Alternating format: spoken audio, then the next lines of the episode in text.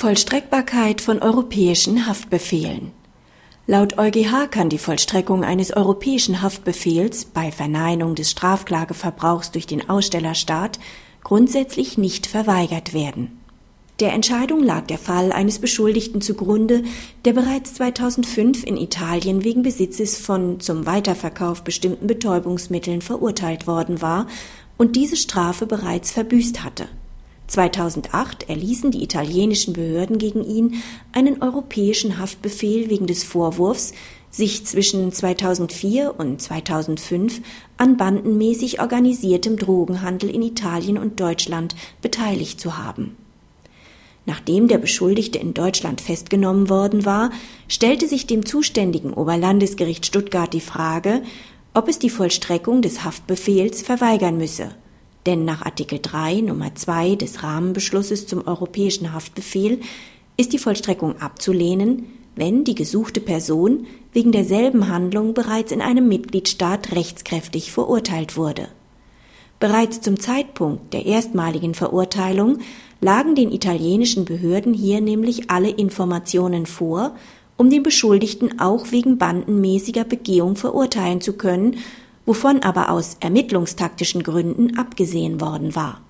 Das Oberlandesgericht ersuchte daher den EuGH im Vorabentscheidungsverfahren um eine Auslegung des Begriffs dieselbe Handlung in Artikel 3 Nummer 2 des Rahmenbeschlusses.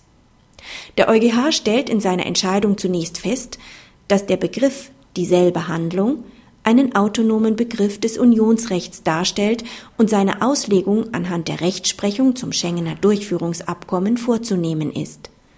Nach Ansicht des EuGH betrifft die Anfrage des Oberlandesgerichts aber in erster Linie die Auslegung des Begriffs der rechtskräftigen Verurteilung in Artikel 3 Nummer 2 des Rahmenbeschlusses. Hierzu stellen die Luxemburger Richter fest, dass eine rechtskräftige Verurteilung gegeben ist, wenn die Strafklage aufgrund eines Strafverfahrens endgültig verbraucht ist oder ein rechtskräftiger Freispruch vorliegt. Ob dies der Fall ist, bestimmt sich dabei grundsätzlich nach dem Recht des Mitgliedstaats, in dem das Urteil erlassen worden ist. Hat eine Behörde einen europäischen Haftbefehl zu vollstrecken, so kann sie nach Artikel 15 Nummer 2 des Rahmenbeschlusses beim Ausstellerstaat Informationen darüber einholen, ob die Strafklage verbraucht ist. Stellt die ausstellende Justizbehörde daraufhin ausdrücklich fest, dass keine rechtskräftige Verurteilung vorliegt, so ist dies für die vollstreckende Behörde bindend und sie kann die Vollstreckung nicht ablehnen. Praxishinweis.